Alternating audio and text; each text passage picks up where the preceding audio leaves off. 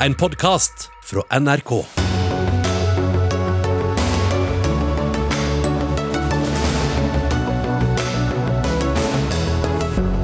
Formuesskatten treffer dem som har det vanvittig godt, sier dagligvaregründer Carl Munthe-Kaas, som forsvarer skatten. Det er hensynet til nettopp gründerne som gjør at skatten bør bort, svarer Høyre. Landets største selskap legger opp til å bryte klimamålene i Parisavtalen, mener SV. Regner Equinor med at verden ikke klarer å begrense klimaendringene? Norske bedrifter som brukte krigsfanger til tvangsarbeid under krigen, må gjøre opp for seg, krever kunstner Vebjørn Sand. Det har vi gjort, svarer Statens vegvesen. Og Danmark dropper munnbind og mener det ikke lenger er behov for det. Hvorfor skal vi da fortsatt holde på med dem?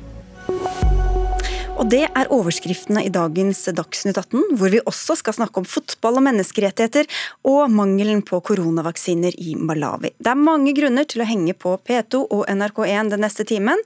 Mitt navn er Sigrid Solund. Den norske og mye diskuterte formuesskatten får nå oppmerksomhet i utlandet. For en lekkasje fra, den, fra, amerikanske skattemyndigheter viser at flere av de rikeste i USA ikke har betalt noe i skatt enkelte av de siste årene. Det gjelder f.eks. Tesla-gründer Elon Musk, som betalte null i skatt i 2018, ifølge nettstedet ProPublica. Rikingene i utlandet burde også betalt formuesskatt, for den skader verken arbeidsplasser eller bedriftenes vekst, sa du til BBC under et intervju i går, Carl Munthe-Kaas. Du er dagligvaregründer i Oda, tidligere kjent som Kolonial, og nå mangemillionær, kan du vel røpe. Kan du utdype det utsagnet? Ja, nei, altså, Jeg tror ikke det er egentlig så veldig mye tvil om at formuesskatten i Norge har i praksis ingen innvirkning på vridninger, altså på valgene man gjør. Eh, det er en veldig effektiv skatt. Eh, og så mener jeg at det er en absolutt nødvendighet hvis man faktisk skal få en redistribusjon. Da holder det ikke å bare eh, ta skatt av inntekt, selskap Hva betyr redistribusjon i denne sammenheng? Nei, altså det er at, at de rikeste også tar sin del av byrden. Da. Og, og, Det er et etablert prinsipp at man helst skal betale en høyere prosentandel jo mer man tjener. Men det gjelder da ikke for de som har kapitalinntekter. Det gjelder tydeligvis kun for de som er lønnsmottakere. Og Det tror jeg veldig mange opplever som veldig urettferdig. Men hvordan eh, virker den da inn på, på folk som, eh, som gründere, da, som deg? Nei, Det er jo poenget, den gjør ikke det. Ehm, det, gir jo etter hvert en skattebyrde på eieren av et selskap. Men veldig ofte så prøver man å trekke et likhetstegn mellom eieren og bedriften. Bedriften eh, påvirkes jo ikke egentlig av formuesskatten, det er eieren som, som får den. Eh, og så snakker man om at man da må ta, ta utbytte av bedriften og tømme bedriften for verdier. Men faktum er at eh, i utgangspunktet så vil man jo også ha en mulighet til å potensielt selge en liten del av selskapet. ikke sant? Og I praksis så vil jo det da bare føre til en omdistribusjon, hvor man må selge en liten del av selskapet, eh, gi de pengene til staten, som igjen gir det til andre nordmenn. Så det er jo penger som blir værende i landet, men man har redistribuert det ved at man har gitt lavere skatter f.eks. til andre lønnsmottakere eller andre personer i samfunnet. Debatten om formuesskatten er jo en gjenganger ved hvert valg, og høyresidens argument for å fjerne eller senke den er gjerne hensynet til nettopp gründere og andre, da. Tom Georg Indrevik, du er ordfører for Høyre i Øygarden og leder i Vestland Bergen. og hører vi fra én gründer her at det ikke er nødvendig. Jeg tenker jo Den argumentasjonen han kommer med, kan nok sikkert stemme for han. Men kommer du opp og ned langs kysten og besøker familiebedrifter her som kanskje har bestått i, gjennom generasjoner, som konkurrerer med internasjonale bedrifter, og som har store varelagre, enten at det er i form av eh, maskiner eller i form av eh, varer og utstyr, så føles nok denne rimelig urettferdig. Og jeg tror at hvis du eh, kommer bort hit og snakker med de, så vil du få forståelse for at denne skatten må ned og på sikt vekk. Din erfaring er kanskje ikke gjengs for alle disse bedriftene, Munterkås? Ja, altså, nå viser det seg at eh, I de tilfellene hvor man har latt, man latt eh, de som må betale formuesskatt utsette den, så er det nesten ingen som gjør det. Så Det, så det viser jo at det er ikke noe eh, egentlig tilsynelatende noe stort, eh, stort problem. Eh, og så tror jeg det er et, eh, Han sa noe med rettferdig. altså følelse rettferdig? Jeg tror Problemet her med, for motstanderne av formuesskatt er at for veldig mange så er det sånn at eh, så lenge du ikke tar ut penger, eh, altså så lenge du lar formuen din bygge seg opp i et holdingselskap f.eks., så er det ikke noe skatt på det. Så Du kan bygge opp en enorm formue, og det er kun det du tar ut som egentlig beskattes. Og, det, og da, det, det, er det jeg tror oppfattes nettopp veldig urettferdig. At man kan bygge opp milliarder potensielt i formue eh, uten at noe av det eh, noen gang egentlig beskattes. Eh, det er urettferdig. Men det er kanskje ikke så mange som har en bedrift som går så godt at de kan bygge opp milliarder? Eh i formue? Nei, men da får du heller ikke formuesskatt. det er det som er poenget. Til det, til det, som ble vist her, Indrevik, det var jo da en eh, ordning som regjeringa innførte i 2016 for eiere som opplever at skatten skaper problemer. Da var det bare 58 av en halv million bedriftseiere som ba om å få utsatt skatten. Hva forteller det om omfanget av dette problemet? En utsatt skatt eh, har jo i realiteten veldig liten verdi. Det har en kort verdi før du får innslaget. Men jeg kunne tenkt meg å spørre eh, han om en ikke ser forskjell. Vi har bedrifter som konkurrerer om, med akkurat de samme kundene, hvor det ene er eid utenlands, den andre er eid lokalt eh, av en gründer som var en gang en gründer en gang i tiden, f.eks. Sotra-gruppen.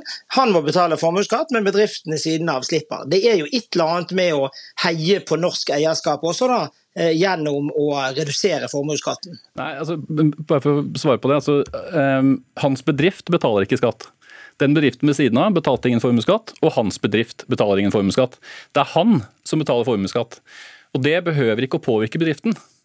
Og, og Den formuesskatten han da eventuelt må betale, som han kan betale gjennom Ja, han kan prøve å tømme selskapet for, for verdier, men hvis det ikke er det som er lønnsomt, så vil han ikke gjøre det. Altså, det er ingen som, han vil fortsatt arbeide for å maksimere profitt. Bedriften vil fortsatt forsøke å vokse og skape så mye verdi som mulig, helt uavhengig om han har formuesskatt eller ikke. Og Det er akkurat poenget at det gir ingen vridning. Vi endrer ikke eh, oppførselen vår, enten om vi må betale formuesskatt eller ei. Eh, og Da står man igjen med en ren redistribusjonseffekt. At denne eieren da, av hvis det var Sotra-gruppen, han vil få mindre i formue, og så vil andre i samfunnet få mer. Og Det er hele poenget. Indrevik. Ja, Dette er jo helt satt på hodet. Jeg tenker Dette dreier seg om at hvis han må ta ut en million som ellers ville vært i bedriften for å betale skatt, så kan du gjerne si det har en re, redistribusjon i samfunnet. Et fint ord for øvrig for, eh, for, sosialisme, etter min mening. Jeg tenker jo dette er ren og tydelig at hvis pengene blir i bedriften, så blir det også Eh, også flere arbeidsplasser. Men kom over og se, da. Jeg skal ta deg med en hel dag, så skal du få besøke gründere innenfor eh, havbruk, eh, mekanisk industri, som konkurrerer urettferdig med en bedrift ved siden av seg. Det, det, det, gleder jeg meg til. Det, det, hadde jeg gjerne gjort om jeg hadde tid til det. Eh, I så fall så ville jeg sett fram til at noen av dem kunne forklare meg hvordan en sånn formuesskatt gjorde at de endret eh, oppførselen eller gjorde noe annet i bedriften enn de ellers ville gjort.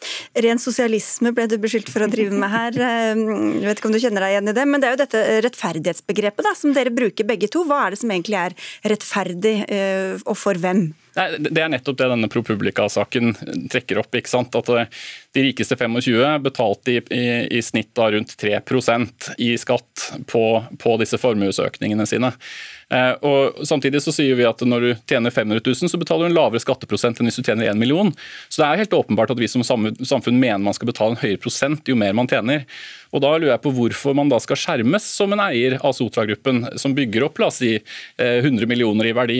At man da ikke skal betale skatt på den, på den verdiøkningen, den velstandsøkningen, formuesøkningen man da har. Eh, og jeg tror at Hvis man ikke erkjenner at dette oppleves urettferdig, så vil man på sikt så, så, vil dette undergrave hele samfunnet. Hvis du føler at du ikke får noe igjen for skatten du betaler, eller for at du betaler en disproporsjonalt stor del av det andre som ikke bidrar, det er nettopp det som gjør at samfunnet til slutt går opp i limingen. Indrevik. Ja, akkurat det siste kan jeg være enig med deg i. Eh, men det er klart, det er ikke snakk om hundrede millioners eh, bedrifter. Dette Dette er små, kanskje én, to, tre, fire, fem ansatte, sånn som du begynte en gang i tiden. Og Jeg ser at det er utfordringer med å fjerne formuesskatten, og det er vi nødt til å se på. Det er jo derfor det har tatt eh, lang tid og det er vanskelig å finne alternativer. Men å snu dette på hodet som at det er en stor suksess å ha den for små og mellomstore bedrifter rundt i hele Norge, det tenker jeg blir en helt feil linje. Men, eh, men, når, men når dere syns det er så vanskelig å fjerne den, så sier det vel også noe om behovet for å ha den? Ja, eller behovet for å unngå. Jeg er helt enig med, med her at vi ikke skal ha nullskattytere i Norge. Eh, men jeg er også dypt uenig i at man skal tvinge små og mellomstore bedrifter, lokale eiere der, til å ta ut penger for å betale en skatt, f.eks. på kjetting da, eh, som ligger på lageret. Så kan si man ønsker det er en omfordelingsbit, men jeg tror at de pengene heller hadde gjort seg i bedriften. Eh, og så sier han at eh, det er ikke bedriften som betaler skatt. Nei, Men det er nå igjen slik at bedriften, eller de fleste av disse mindre og mellomstore bedriftene, der ligger hele verdien til hele familien og til alt de har, ofte i bedriften. Og Det er ikke snakk om 100 millioners-gjengen. Det er jo det som er litt av problemet med denne debatten. det er jo at uh, Han dreier seg om de rikeste i Norge, men i realiteten så dreier seg han om de fleste små og mellomstore bedriftseiere i Norge. Nei, altså, Det gjør det jo ikke. Altså, det, det, er jo det alle undersøkelsene viser, at de små og mellomstore bedriftene liksom du, du, tar opp et eksempel her med en bedrift med fem ansatte. Da, da, er det jo stor sannsynlighet for at den bedriften ikke engang kvalifiserer, eller den, de eierne skal man si, ikke engang kvalifiserer til formuesskatt. Så, det, så, så, dette her holder bare ikke vann. Altså, man må ha oppbygd en stor formue for å betale formuesskatt, og, og da er det helt åpenbart sånn at de ikke bør skjermes fra å betale sin del av den verdiøkningen de har. Og min dristige påstand er at det ikke blir siste formuesskattdebatten vi får eh, før stortingsvalget i høst. Takk skal dere ha begge to. Tom Georg Indrevik, ordfører i Øygården for Høyre utenfor Bergen, og Carl Munthe Kaas, eh, dagligvaregründer.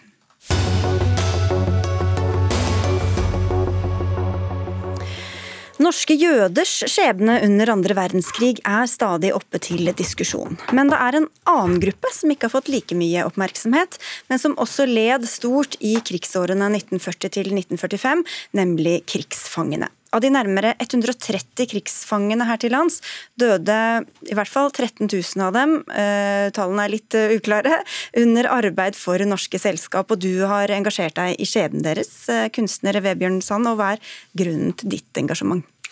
Jo, Roseslottet som står på toppen av Holmenkollen, det eh, ble jo reist for å markere at i fjor var 80 år siden angrepet. Som er ditt kunstverk. Fra, ja, og med, mm. sammen med bror Reimund. Angrepet fra Nazi-Tyskland og 75 år siden frigjøringen. Og vi tar jo opp eh, krigen i Norge eh, og motstandskampene og motstandskvinnene. Vi tar opp forfølgelsen av de norske jødene, krigsseilerne og eh, skjebnen til Eh, krigsfangene. Og Det er jo et, eh, et, av de mørkeste og mest uhyrlige kapitlene i norsk historie. og Det er lett å gå forbi dem, for det kapitlet er rett og slett så mørkt. og opp mot, altså Hvis man regner med de som eh, døde under Rigel og Palatia-katastrofen, så er det opp mot 17 000 krigsfanger som da ble, ble utslettet. og Det som markerer altså den det som skaper den sterkeste forbindelseslinjen mellom Norge og Nazi-Tysklands utryddelsespolitikk etter skjebnen til, til, jødene, også holocaust i Norge, det er, det er krigsfangene. Og eh, Derfor så har de fått en spesiell eh, plass i Roseslottet. og Vi tar også for oss de da som brukte krigsfanger. Og Det har kommet også lite frem. og Det er jo statlige etater og også store bedrifter i Norge som som Hydro når det gjaldt lettmetallprosjektet og, rustnings, og ruste opp Tyskland for, for luftkrigen. og også Oslo-konsortiet, som da investerte i dette samarbeidet med okkupasjonsmakten, hvor Orkla var den største aktøren. Og så er det jo Statens vegvesen og, og, NSB som også hadde tusenvis av krigsfanger på sine anlegg. Og disse, Dette er så å si gått ut av den kollektive bevisstheten i Norge. Og Hvis man tenker seg som en sånn tankeeksperiment om det hadde vært opp mot 17 000 amerikanere som hadde lidd en sånn skjebne i Norge, så, så, hadde det vært minnesmerker i hver by, det hadde vært kransenedleggelser og det hadde vært taler. Men krigsfangene, som primært da kom fra Sovjet, altså 100 000 av de 130 000 som som var i Norge mellom 1941 og 1945, de, de kom jo da eh, fra, fra Sovjet. Og det I Roseslottet så er det er jo et humanistisk prosjekt. Vi, vi, har menneskerettighetene som vår ledestjerne, hvor alle mennesker er født frie med samme menneskeverd og rettigheter. og nå er det krigsfangenes tur. Nå bør vi ha et sentralt monument i Oslo hvor det bør utlyses en konkurranse for norske kunstnere som lager et flott, verdig monument, slik at eh, de som eh, brukte krigsfanger eh, kan bli nevnt og tydeliggjort, og også hva de var med å bygge. For de bygde jo det moderne okay, Norge. Du, jeg må bare la deg få trekke pusten her. Eh, for du har kommet med et innlegg i Aftenposten, og vi skal ta fram en, en oppfordring som du kommer til da, men vi skal bare få litt mer bakgrunn fra deg også, Bjørn Vestli. Du er historiker og forfatter, og har skrevet flere bøker om temaet, bl.a. 'Fangene som forsvant', NSB og slavearbeiderne på Nordlandsbanen. Fortell litt mer om hva disse krigsfangene ble brukt til. Altså, eh, Hvis vi tar, konsentrerer oss om det de gjerne ville gjøre ganske umiddelbart. Det, det, var en våt drøm blant mange tyske ingeniører før krigen om å få bygge jernbanen i Norge. For det var komplisert og store utfordringer. sånn at eh, når de kom da til, til, Norge, så inngikk de et samarbeid med NSB og Statens vegvesen. Og uten at NSBs ledelse ble skiftet ut, eller Statens vegvesen ble skiftet ut. Det var nordmenn som ikke var nazister, som ledet de to selskapene under hele krigen. Og Det ble jo en enorm opprustning av infrastrukturen, både veier og, og ikke minst jernbane. Og Det var altså bl.a. byggingen av Nordlandsbanen, som jo egentlig skulle gått mye mye lengre, men de, så langt kom det ikke. Eh, og, slik, og Derfor syns jeg det er utrolig bra det som eh, det initiativet ditt.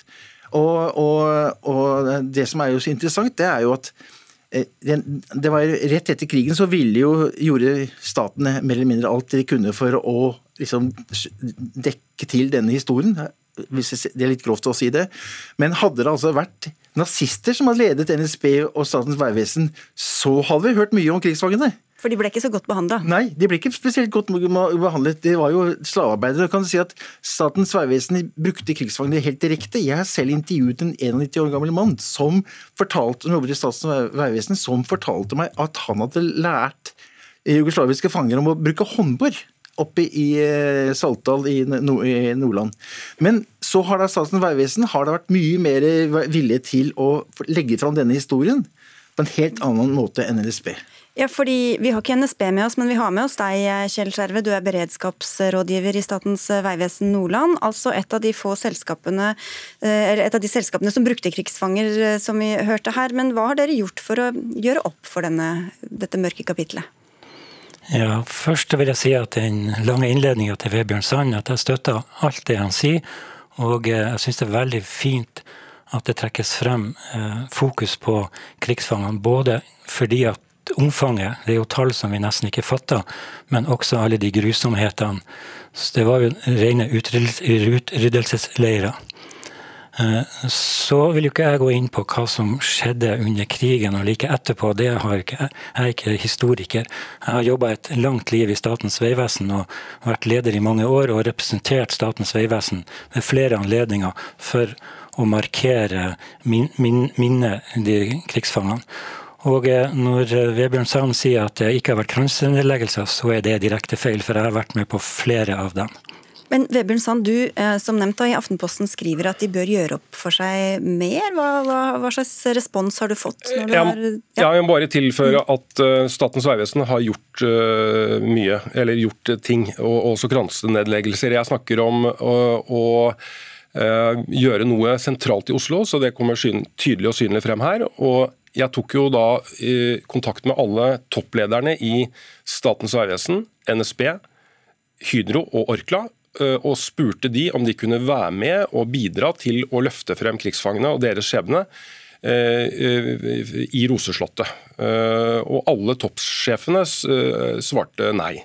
Og Det syns jeg rett og slett var skammelig.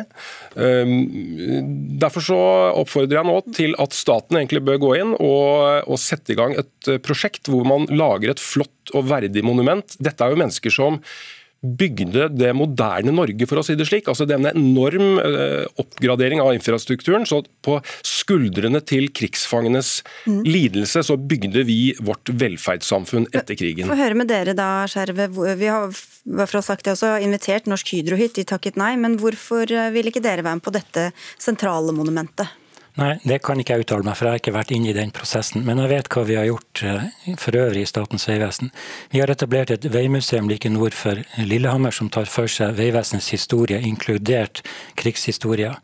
Og så, ikke minst, så har vi et blodveimuseum i, eh, i Saltdal, eh, Rognan, som Vegvesenet har sammen med Saltdal kommune, og hvor Vegvesenet har bidratt hovedsakelig inn til å finansiere dette, også få det etablert i sin tid sammen med Saltdal kommune. Eh, så har vi fått vår krigshistorie dokumentert. Vi har fått Handelsskolen BI til å lage bl.a. denne boka som Pål Nygaard har redigert, 'Store drømmer og harde realiteter'. 40 sider med vår krigshistorie. Jeg nevnte at jeg har vært med på flere markeringer. Eh, jeg kan si at Vegvesenet har, eh, Jeg har jobba under mange veidirektører. Eskil Jensen han satt sjøl på Grini og var i Sachsenhausen og var selvfølgelig naturlig opptatt av dette. Jeg har vært sammen med eh, eh, Søfteland for når 50 år etter, etter frigjøringa. Da gikk vi fredsmarsj fra krigskirkegården i Botn og til Rognan. Og for, eh, i 2017 så var det en stor markering som også Nordland fylkeskommune tok initiativ til. Det var delegasjoner fra Serbia også. Nå var det ikke nevnt serbere og tidligere Jugoslavia, men det er en stor andel av de også som var på disse eh, fangeleirene. Skjønner, vet du, jeg skjønner, vi skjønner, du, får, du, får, mange nik nikking her i studio, så jeg skjønner at du ble men... På den, på den, den 75-årssaken, uh, siden første fangene kom, da var også kong Harald til stede og markerte, og vi la ned krans. Sånn at, at, vi har på ingen måte Når det skjer ting rundt i landet, hvorfor skal det være et sånn sentralt monument? Jeg må, jeg må, si det er enestående, og jeg har sett uh, Blodveien, jeg har sett markeringene, og, og, det er enestående hvordan Statens vegvesen har markert eh, krigsfangene. Nå peker pilen på Orkla og Hydro og NSB. Og Da eh, får de eh, være med og bidra til å ha et flott sentralt monument for å hedre krigsfangene. Vestli, hvor, hvor, mye oppmerksomhet har det vært om, om, denne gruppen, og hvor mye har selskapene selv gjort for å løfte det fram? Altså, staten, som det ble utover, utover Statens vegvesen? Ja, altså, NSB har jo bare laget propagandabrosjyre. Jeg kunne tatt med en fantastisk en som en av de siste direktørene i NSB lagde. Ingenting om krigsfangene. Eh, de ville ikke være med på å støtte da Hamar, eh, Jernbanemuseet på Hamar skulle lage en utstilling for noen år siden. Eh, om fangene, blant annet. Og det er helt paradoksale at det vi snakker om to statsselskaper, hvor den ene har gjort som Skjerve har fortalt, men NSB har ikke gjort noen ting. Til tross for at de faktisk var Det var enda mer involvert i selve denne arbeidet på Nordlandsbanen enn en, en, en de fleste, ikke sant? Nå har vi jo ikke NSB her, så vi får Nei, nei men, NSB er ikke der, heter ikke lenger NSB. Nei, det, er, det finnes ikke Det brukte 25 000 krigsfanger. Mm. Men, men er det, er det, mener du det er behov for et sånt nasjonalt minnesmerke? Ja, altså, jeg hadde ikke tenkt på det, eh, men ikke sant Eh, når jeg tenker på at Staten faktisk da gravde opp alle gravene til de sovjetkrigsfangene i Nord-Norge for å flytte det til en, et, sted, slik at man ikke skulle, lenger skulle ha noe lokal interesse for disse krigsfangenes minne.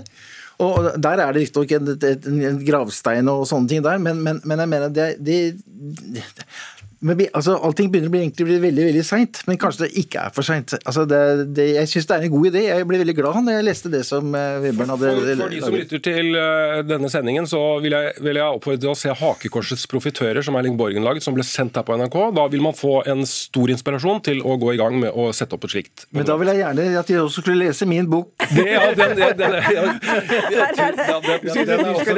Husk at vi ikke er reklamefinansiert, men alt som er Vi, vi, vi enestående De profitterer okay. ikke på fangene, det er andre som har gjort det. Vi får eh, se om du, noen strekker ut hånden etter dette, Vebjørnson. Takk skal dere ha for at dere kom hit, til deg og til deg, Bjørn Vestli, og ikke minst til deg, Kjell Skjerve fra Statens vegvesen.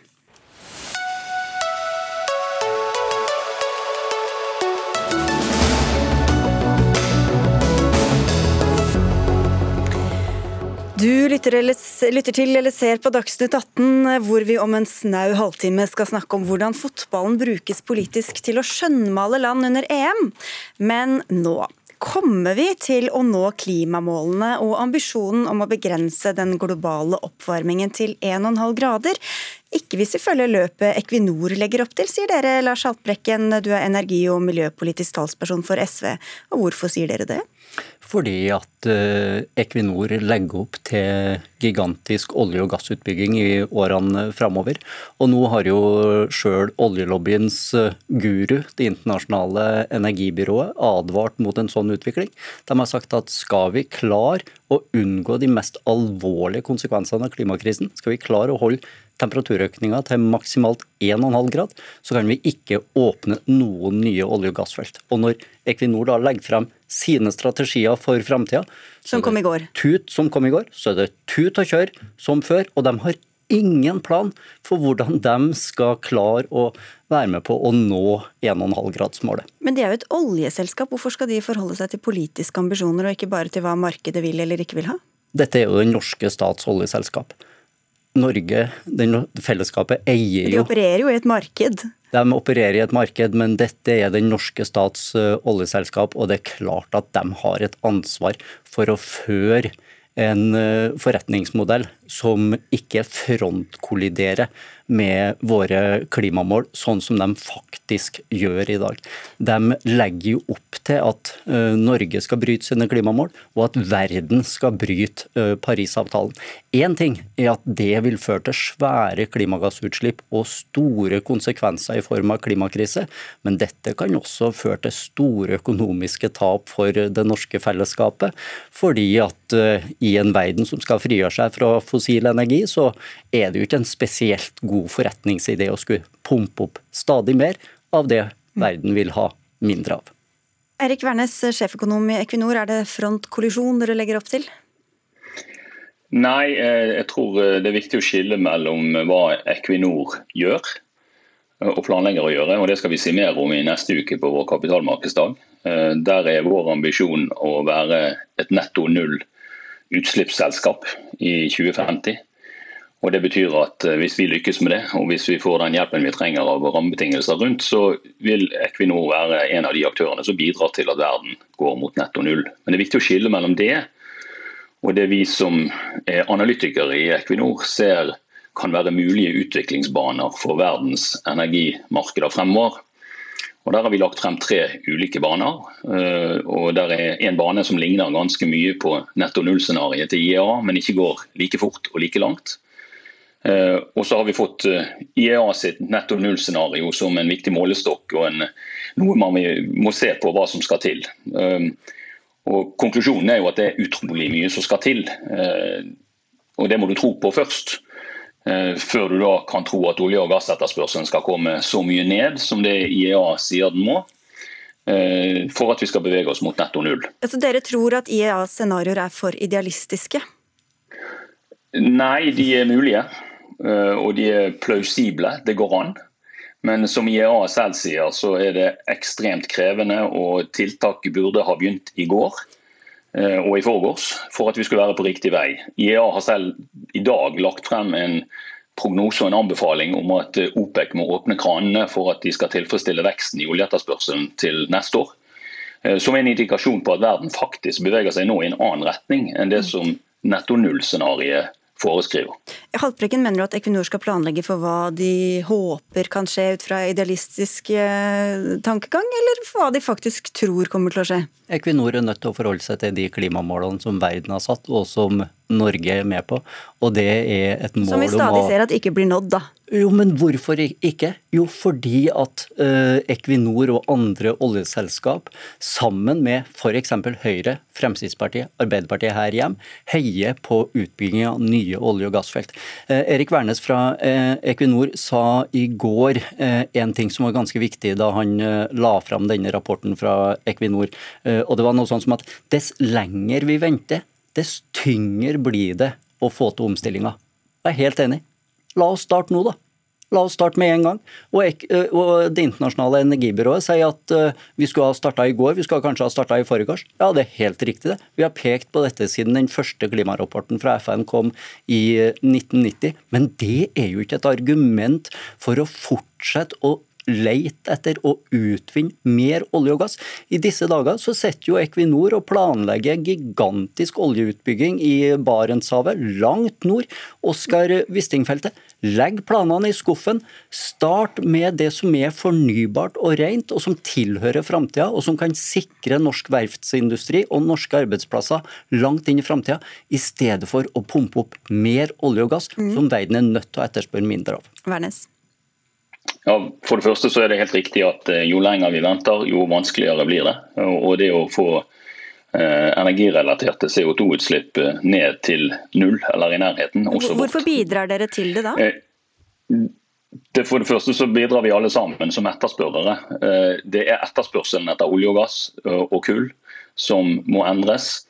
For at det skal være mulig å få til i hele verden, så må vi tilby konsumentene alternativer raskt. Det bidrar Equinor nå med å få til med ny fornybar energi. Eh, vi tilbyr også med etter hvert, og vi bygger ut nå, karbonfangst og -lagring, der vi kan tilby gass som gjøres om til hydrogen og som ikke gir CO2-utslipp når det forbrukes. IEA peker på at vi må bygge ut masse atomkraft. Vi må bygge ut, Istedenfor å fase det ut, som vi holder på med nå. Vi må bygge 30% mer vann, vannkraft i verden på ti år for å få dette til. Eh, vi må stimulere til energieffektivisering. Alt det må på plass for at olje- og gassetterspørselen skal falle så raskt som er nødvendig. Men samtidig, så, så Du sier at det er etterspørselen som skal styre, men hvis, um, hvis alle gjør som dere, da, hvordan skal vi da nå de målene som verdenssamfunnet har satt? Eh, alle gjør, hvis alle gjør som oss, eh, så beveger vi oss i riktig retning. Eh, vi har en netto Men når ikke målene? Eh, hvis, alle Norge, hvis, alle hadde gjort som Norge, så hadde vi òg beveget oss raskere i retning av dette. En av utfordringene her er at verden beveger seg ikke i denne retning akkurat nå. Det er jo bare tull. Norske utslipp reduseres bitte lite grann.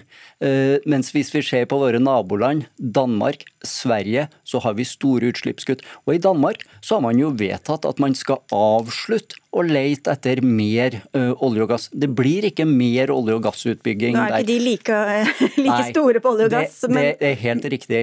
Men så er det altfor enkelt fra Equinor å sitte og skylde på forbrukerne at vi bare leverer det de eh, etterspør.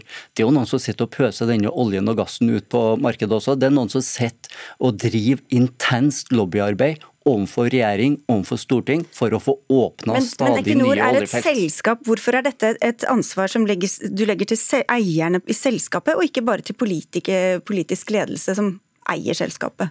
Det er helt klart at eh, politisk ledelse i Olje- og energidepartementet må gå ut og kreve at Equinor legger 1,5-gradsmålet til grunn. Når Equinor klarer det kunststykket å presentere rapporter som ikke har noen strategier for å nå de klimamålene vi har satt, så må eieren Olje- og energidepartementet og regjeringa gå og kreve at, uh, at, det faktisk følges, siden vi, vi har aksjemajoritet her.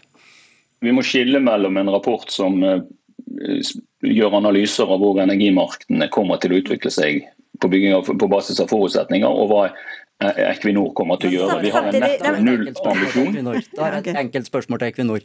Kommer dere da til å følge anbefalingene fra Det internasjonale energibyrået? Kommer dere da til å trekke søknader om ny lete- og utvinningsvirksomhet på norsk sokkel og andre plasser? IEA har levert mange anbefalinger de siste månedene, også senest i dag.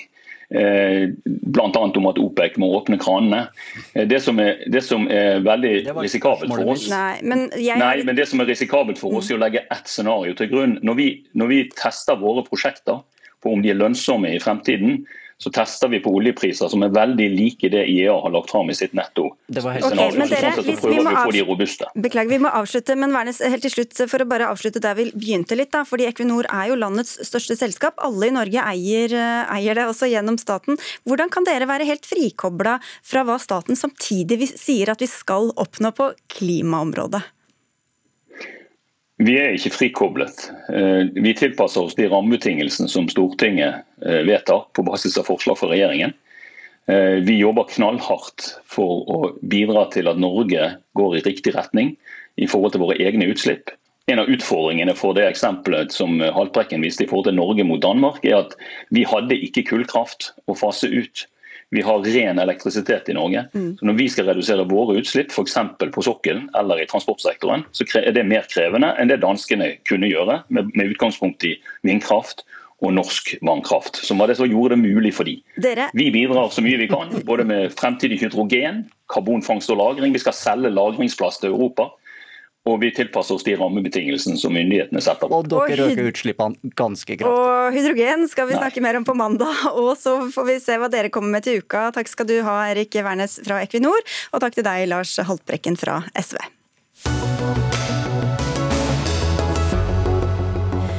Når du tar på deg munnbindet på vei inn i butikken eller på bussen, er det fordi du tror at det er et godt smitteverntiltak, eller er det vel så mye for å vise andre at du tar smittevern på alvor og ikke vil risikere stygge blikk? Hvis du bor et sted der munnbind er påbudt eller anbefalt, da. Danskene dropper munnbind fra mandag, mens i Oslo er det sagt at munnbind er noe av det siste vi kommer til å kvitte oss med. Kristian Gundersen, professor i biologi, du skriver i en kronikk i Aftenposten bl.a. at det er grunn til å lure på hvorfor vi fortsatt bruker munnbind. Hva er det du ikke helt forstår? Nei, altså Jeg savner vel en beregning av, av smittefaren knyttet til det. Eh, hvis vi nå er så lavt nede at vi, Jeg tror vi er så lavt nede i smittenivået at vi sannsynligvis ikke kunne forske på det, f.eks. Altså, vi vil ikke klare å skille risiko, eller smitterisiko hos de som bruker det og de som ikke bruker det, eller de som er omgitt av de som bruker det og ikke bruker det og sånn. Uh, gjetter jeg på. Hvis ikke syns jeg absolutt vi skulle forske på det, men, men, og da kan man liksom lure på hvorfor vi gjør det. Uh, I begynnelsen av pandemien så var det jo fikk vi noen tall på dette.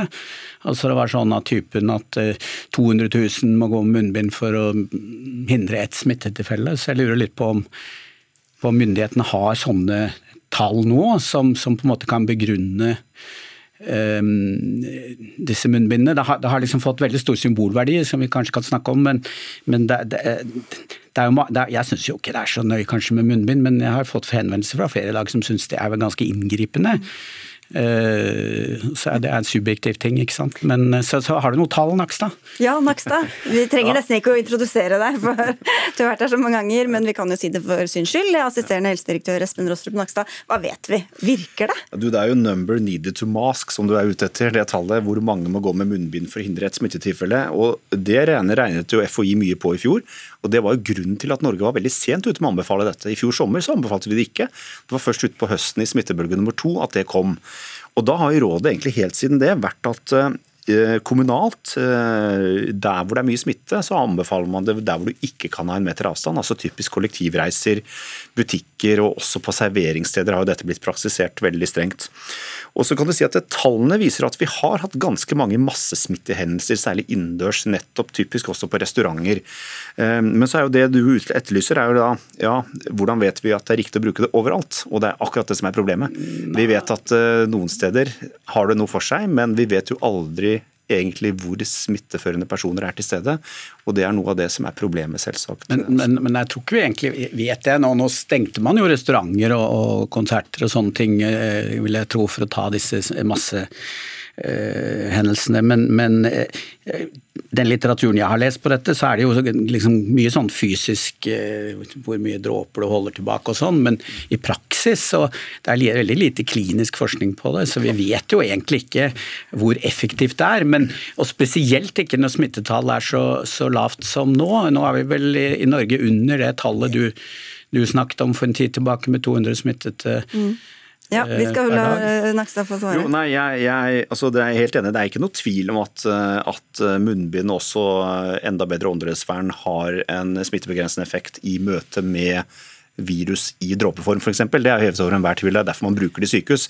Spørsmålet er jo er det til stede der hvor du faktisk befinner deg, tett på mange mennesker. og Det er jo det som er usikkerheten. Og så er det jo litt sånn, du sier Sykehus, der har de jo veldig gode rutiner for hvordan vi skal bruke det. og I begynnelsen av pandemien, da vi, da vi snakket om dette i fjor, så var det veldig viktig at alle skulle eh, vaske hendene og uh, antibac, og så på med munnbind av inn i en pose. altså er det noen som holder på sånn lenger? Er, er det veldig forskriftsmessig bruk av disse munnbindene? Ja, altså, Vi har vært veldig imponert, faktisk. Det er veldig stor forskjell på Oslo-området og resten av landet. Altså, I Oslo, hvor det har vært høyt smittepress hele tiden, hvor det fortsatt er et høyt smittepress særlig blant unge voksne, så er folk veldig flinke til å bruke munnbind der hvor det er trengsel innendørs. Det er typisk på trikken og i trange butikklokaler og på restauranter hvor det nå praktiseres. Utendørs, ikke noe poeng. Og der hvor det er god plass, trenger du heller ikke bruke det. Brukes det forskriftsmessig? Altså, vi ser ja, det, jo folk tar dem opp og ned av lomma. Det går over nesa, og, og det går under haka, ja. og man presser på den bøylen på neseryggen. Og det, sånn at det brukes ganske forskriftsmessig. Eh, og vi skulle gjerne hatt data som viste effekten av det helt nøyaktig, men eh, man leser jo ut av smittepresset i de ulike bydelene, eh, også når man vurderer dette her. Og FHI vurderer dette fortløpende også. Men, men du har liksom ikke kommet opp med noe tall om hvor effektivt det er, og det går jo an å, å modellere sånn at jeg, jeg syns jo man må, må plikter å gi befolkningen en, en begrunnelse, f.eks. Nå er jeg fullvaksinert, og da er det vel min vurdering da, i all beskjedenhet at, at det der munnbindet er noe tull. At, ja, og Det er jo et egen, egen problemstilling. Ja. fordi Der er jo spørsmålet hvor stor er risikoen for at en fullvaksinert person faktisk skal dra noe virus med seg i nesa som kan overføres til andre. Er det er et godt poeng, og det jobber man jo med nå å se på. Jo, men Så... Vi vet jo at det er, det er, altså, det er jo ikke, Har du nulltoleranse på sånn, eller nullvisjoner for sånt? fordi at vi vet jo at at, at uh, vaksiner er ekstremt effektive, ikke bare i å hindre sykdom, men i å hindre smittespredning. Det vet vi jo. Jo da, og så er det stor forskjell på én dose og to doser, og så er det noe med hvor du faktisk befinner deg. sånn at, Men uh, igjen, uh, dette kan fort endre seg, og det er en stor forskjell på fullvaksinerte og andre. Jeg syns du relativiserer litt nå, for det, det er vel ingen ingen, så vidt jeg vet, effektiv vaksine som ikke også har vært effektiv ved å stoppe Eh, epidemier. Altså, jeg har spurt veldig mange om det, så hvis du har et godt moteksempel, så gjerne det. De har kommet med moteksempler, men det viser seg at det holder ikke. sånn at Nesten alle effektive vaksiner de er jo også veldig effektive å hindre spredning, og nå har vi jo data f.eks. fra Israel. Men Har det vært forsket på dette nå? da? Ja, vet vi om det har virket eller ikke? Ja, så det, er, eh, det som er vanskelig med denne type kliniske studier, det er at hvis du skal designe dette godt, så må du ha en gruppe hvor du vet at det er smitteførende personer til stede, og så må du ha en kontrollgruppe også, så må du sammenligne det. Det er etisk betenkelig betenkelig, og det får du sannsynligvis ikke godkjent men, men, men Hvorfor gjør du ikke det når all annen medisinsk forskning er sånn? Vi, vi, vi, for eksempel, du kan prøve ut kreftbehandling mot dødssyke pasienter, så er det en gruppe som da ikke får den lovende behandlingen som forskerne tror på, og en annen gruppe som får den.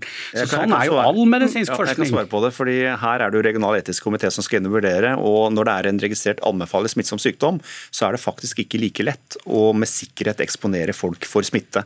Og Det gjør at man har brukt surrogater da, i Tyskland og andre steder hvor man har forsket på luftsmitte under den pandemien. Eh, men det er klart at eh, forskningsmetodisk så finnes det måter å gjøre dette på som man ikke har benyttet. Det er jeg helt enig i. Og så ga man jo, så ga man jo til, rekka jo tillatelse til forskning på det såkalte konsertforsøket, og det ble da stoppet av eh, ja, bl.a. av kommunelegen i, i, Oslo. Men jeg vil bare plukke opp noe du sa, Gundersen, fordi du sa inngripende. og Man kan jo se for seg Nakstad, at man har masse tiltak sånn for sikkerhets skyld. Og så er det noen som syns det er helt uproblematisk å gå med munnbind, andre syns det faktisk er helt forferdelig. Hvem er det som definere hva som regnes som inngripende og ikke? Nei, Det kan du si, men vi eh, gjør befolkningsundersøkelser annenhver uke for å kartlegge veldig mange detaljer rundt dette. og Jeg tror nok de fleste vil si at det å dra på seg et munnbind noen minutter når du går inn i en matbutikk, eh, er mindre inngripende enn å ha hjemmekontor eller ha stengte skoler og den type ting. sånn at I hele rekken av tiltak som har vært brukt i Norge, så tror jeg de fleste vil si at munnbind er fortsatt et av de minst inngripende. Og, og Derfor er det andre ting man også prioriterer å lette på. Men dette med avstand mellom folk er fortsatt viktigere enn munnbind. Og det er også viktig å minne folk på. Og så var det også noe med dette, du vet ikke om du sa moralposør, eller om det Nei, altså, det er jo igjen, det er, det er jo interessant å ha Naks, der kan man jo spørre om hva man vil. Og, og, det er det vi har holdt på med i halvannet år. Ja, nettopp. Det har jo vært, særlig i USA, veldig sånn eh, politisert og symbolladet, hvor du på, liksom, på den ene siden har du hatt da folk som mener at dette er et veldig sånn nærgående inngrep, og på den andre siden har du liksom hatt godhetsposører som gjerne går ut og viser hvor, hvor dugnadsinnstilt de er, og særlig fordi at forestillingen jo er at munnbind først og fremst beskytter de andre og ikke deg, ikke deg selv. Um, og da, da, er dette blitt på en måte en del av det. Og så er det en, en annen sånn lignende argument. Det er jo liksom at ja, nå må vi gå med munnbind sånn at alle skjønner alvoret her.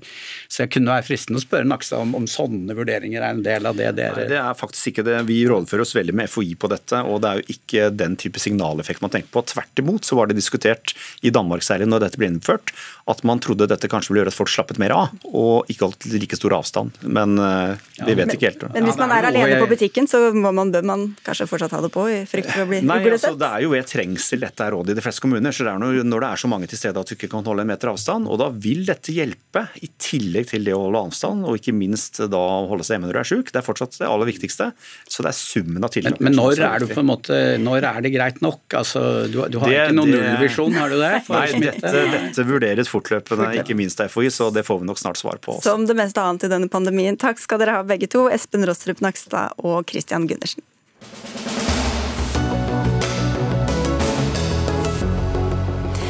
Ja, kanskje kan vi snart kaste munnbindet her til lands. Imens får vi stadig se flere bilder av lykkelige nordmenn med en oppbrettet gensererme, nylig stukket og vaksinert. Samtidig som vaksinene rulles ut her til lands, så graves det massegraver og brennes sårt tiltrengte vaksinedoser i eh, afrikanske land. Ida Titlestad Dalbakk, du er NRKs Afrikakorrespondent, og du befinner deg i Malawi. Hvordan er situasjonen der? Nei, Malawi venter jo fortsatt på 1,3 millioner eh, doser av AstraZeneca-vaksinen, som de skulle ha hatt her i landet 3.6, eh, og som enda ikke har kommet. Og jeg har vært på et vaksinesenter her i hovedstaden Lilongwe og møtt eh, flere som venter på den andre dosen av denne vaksinen, og som var bekymra for at disse dosene ikke har kommet til til Malawi enda. Og Malawi er jo et fattig land som sliter i konkurransen på det internasjonale markedet for å få tak i nok vaksiner, og særlig også fordi at eh, hovedleverandøren India som skulle ha levert eh, mange AstraZeneca-doser hit, eh, de har stanset eksport av disse vaksinene for å bruke dem i eget land. Eh, så det er stor frustrasjon her, og mange er også skeptiske til at det tar såpass lang tid å, å få doser til Malawi. Vi har jo snakket mye om hvor store forskjeller det er på vaksinetilgang rundt omkring i verden. Erlend Grønningen, du er lege og jobber med Leger uten grenser. Eh, når det gjelder akkurat Malawi, så er det lave smittetall, men det tror dere ikke stemmer helt med virkeligheten? Nei, vi tror vel ikke helt det. da. Det er jo Malawi er jo et land som vi har vært bekymra for. Det var jo snakk om det på, tidligere på slutten av vinteren og på begynnelsen av vårparten hvor man da begynte å få mistanke om da, denne sørafrikanske varianten som man hadde spredd seg sørfra og oppover. Eh, og Da fikk jo Malawi den gang noen vaksinedoser fra dette internasjonale vaksinesamarbeidet, Covax. Eh, og Da var det dessverre sånn at man ikke klarte å, bruke opp alle dosene den gang. Da argumenterte man jo sterkt for at helsepersonell eh, måtte få det, først og fremst. Det er ca. fire leger per 100 000 innbyggere i Malawi, tilsvarende tall i Norge er ca. 400. Så helsepersonell er jo på en måte kritisk personell, så hvis de blir syke, eh, skulle de risikere å, å dø, så vil det være eh, kritisk for samfunnet. da. Og, og, Nå har det også skjedd at de har fått vaksinedoser som de nå eh, måtte brenne, Dalbakk. 16 000 vaksinedoser. Hvordan kunne det skje? Dette var jo blant de første dosene som eh, kom til landet i eh, mars. Eh, og disse dosene, AstraZeneca-vaksinen, de gikk da ut på dato bare tre uker etter at de kom hit. Og Derfor så bestemte man at man skulle brenne over 16 000 doser. Så man fikk satt rundt 80% av de vaksinene som kom til landet. Og så var det da 20% igjen som man ikke rakk å bruke. Og Derfor så brant man dem på et sykehus som jeg besøkte i formiddag. Du nevnte Covax, dette eh, vaksinasjonsprogrammet Grønningen, som skulle sikre, sikre, at det kommer til fattige land. Hvordan, hvordan har det arbeidet egentlig gått? Det var jo en god tanke i utgangspunktet. dette, og Det var jo et eh, initiativ der hvor man ville sørge for at også verdens fattige land skulle kunne få vaksinedoser. Da. For det var jo sånn at Hvis de fattige skulle konkurrere på det åpne markedet, så ville de tape. Eh, dessverre så, så vi det sånn at eh, de rike landene i Vesten hadde inngått forkontrakter. og de største altså, Hovedandelen av vaksinedosene gikk da til Vesten. Eh, og Vi ser jo nå at vi sliter litt med de tallene nå. Vi ser jo at 85% av verdens vaksinedoser nå har gått til høyinntektsland og øvre sjikt av middelinntektsland, og kun da 0,5% til de fattige, fattigste 10 i, i verden. Da.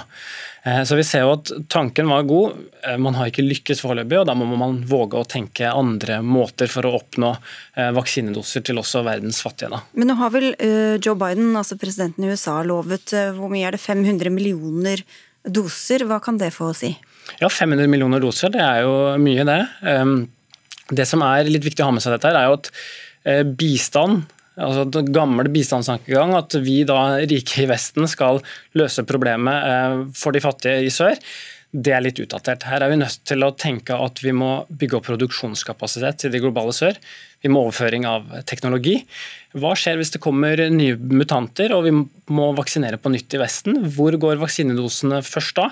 Vi, eh, vi frykter da at, at, det globale sør havner bakerst i køen igjen. så Derfor haster det å få overført teknologi og få frislipp av patenter, sånn at man kan få begynt produksjon i det globale sør også. Men så er det jo ikke bare mangel på vaksiner som er problemet heller, Ida Titlestad Dalbakk. Du har snakka med mange innbyggere i Malawi og bl.a. besøkt en pastor som mente at man kunne kurere korona ved å be nok til Gud. Er, er det en utbredt holdning? Eh, I denne menigheten som jeg besøkte, så var det det pastoren sa, at man eh, ikke kom til å dø hvis man eh, trodde nok på Gud. Og mm, På landsbygda så er nok dette mer vanlig enn det er i byene. På landsbygda så er det mange som som sier at dette er en sykdom for rike mennesker og noe som ikke rammer de på landsbygda. og Veldig få gikk jo også med maske når vi kjørte ut av Lilongve og besøkte områder utenfor byen nær Lake Malawi, flere timer herfra. Så det er nok mer utbredt eh, utenfor byene, i fattige strøk. Eh, og jeg har møtt flere her på vaksinesenteret som bor i byen og som ønsker å ta disse vaksinene. Men, men jeg traff jo også en mann som eh, jeg besøkte utenfor byen her, som fortalte at han hadde hatt covid-symptomer, og at han hadde løst dette ved å be til Gud sammen med familien sin og at dette helbredet han. og Det var han helt sikker på at dette var årsaken. Eh, så troen er sterk i Malawi. Vi snakker jo om Afrika som om det var et stort land, eh, Grønningen. Hvordan har de forskjellige afrikanske landene både blitt rammet og håndtert pandemien ulikt? Ja, Det store landet Afrika. ikke sant? Der er vi igjen. Afrika er jo utrolig heterogent. Eh, hvis du ser på en måte Afrika sør for Sahara, så har jo de en vesentlig yngre befolkning. Det er jo landene som også da var hardt rammet av hiv-aids-epidemien. Eh, og der er det jo sånn at eh, Kanskje er det så mange unge og friske og raske at de ikke ville rammet, bli rammet like hardt av, av en koronasykdom. Da. Så kan man samtidig da si at i noen av disse landene så er det jo fedre, besteforeldre, bestemødre, mødre som da har kanskje flere barn de har omsorg for. Så hvis de da blir syke og dør, så får det stor betydning for samfunnet. Eh, det var jo nevnt dette med vaksinemotstand og, og, og skepsis. Vi ser jo, Det er jo vanskelig nok med debattene i et uh, velutdannet høyinntektsland sånn som Norge. Så kan man tenke det hvordan det er i et lavinntektsland hvor det er kanskje mange som ikke kan lese og skrive, ikke har mye formell skolegang. Så det vaksinasjonsarbeid er ikke bare å ha dosene tilgjengelig, det er jo på en måte mye logistiske utfordringer med å få folk til å forstå nødvendigheten av å ta vaksiner også. Så dette er ikke enkelt. Vi får prise oss lykkelige for at vi bor der vi bor akkurat på dette området. i hvert fall. Takk skal du ha, Erlend Grønningen fra Leger uten grenser, og takk for at du var med oss, Ida Titlestad Dalbakk.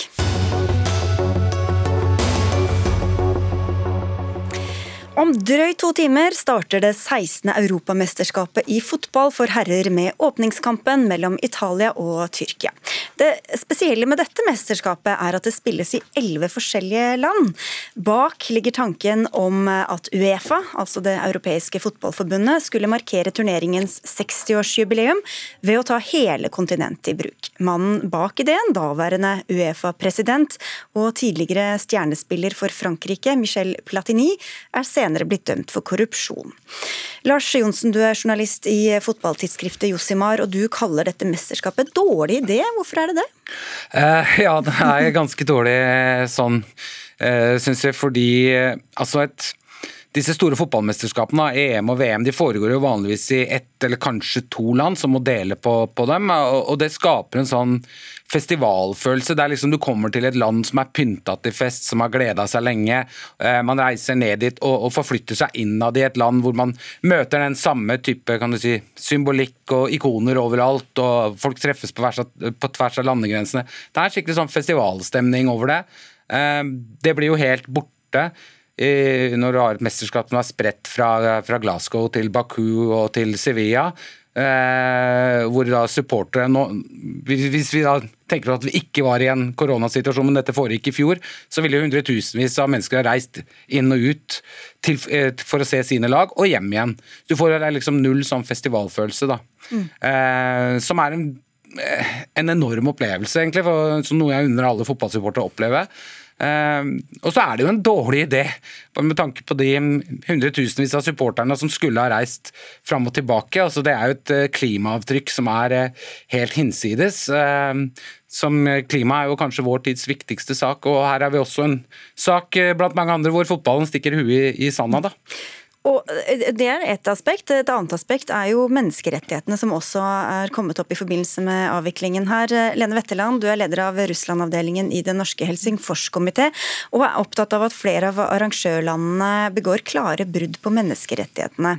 I morgen spiller Wales mot Sveits i Aserbajdsjan. Hva er problematisk med det?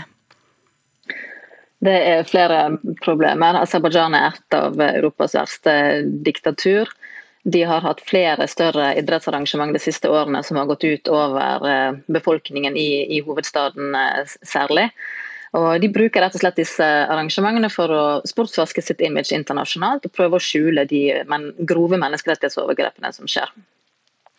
Og det er, Dette skjer jo også da eh, samtidig som vi diskuterer VM i Qatar, Johnsen. Er det, er det ingen eh, Ikke mulig å spore nå at dette går inn over noen, eller? Nei, egentlig ikke. Um, altså, menneskerettigheter i, i, i, fotballens internasjonale organisasjoner, det er gjerne altså det er et uttrykk man smykker seg med.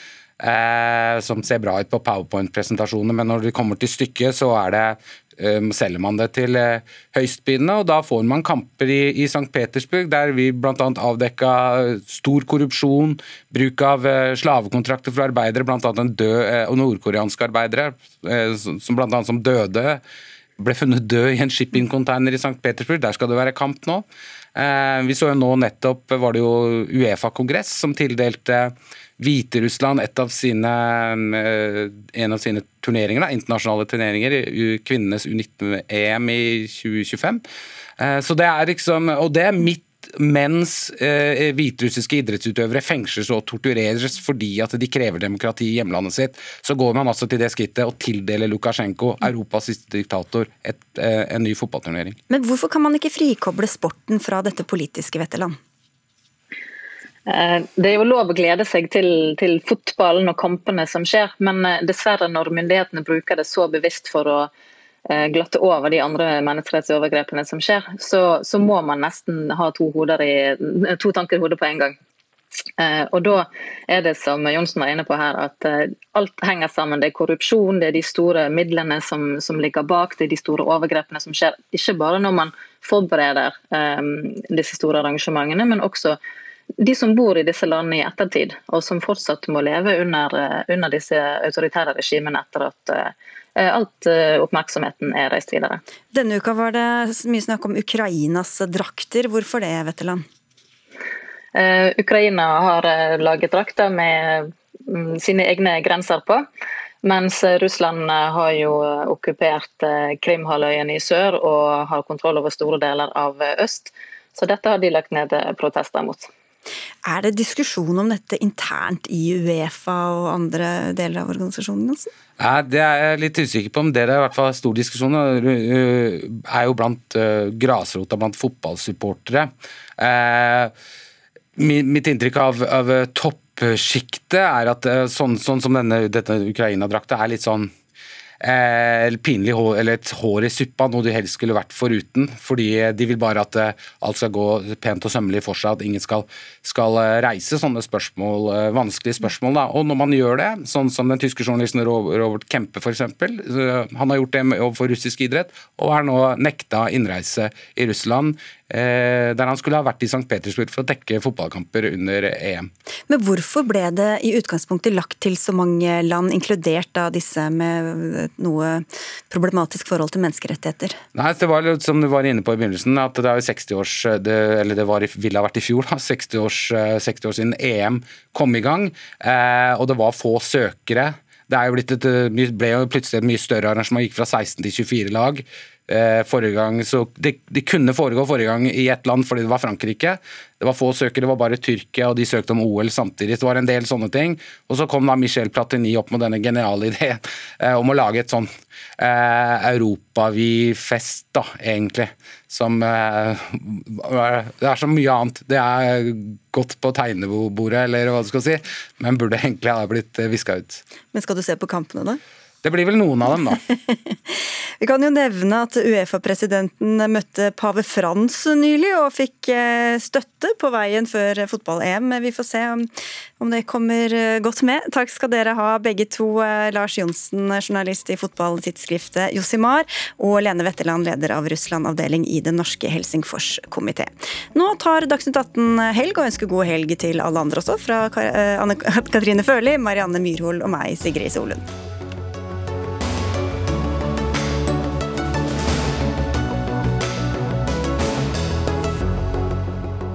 Du har hørt en podkast fra NRK.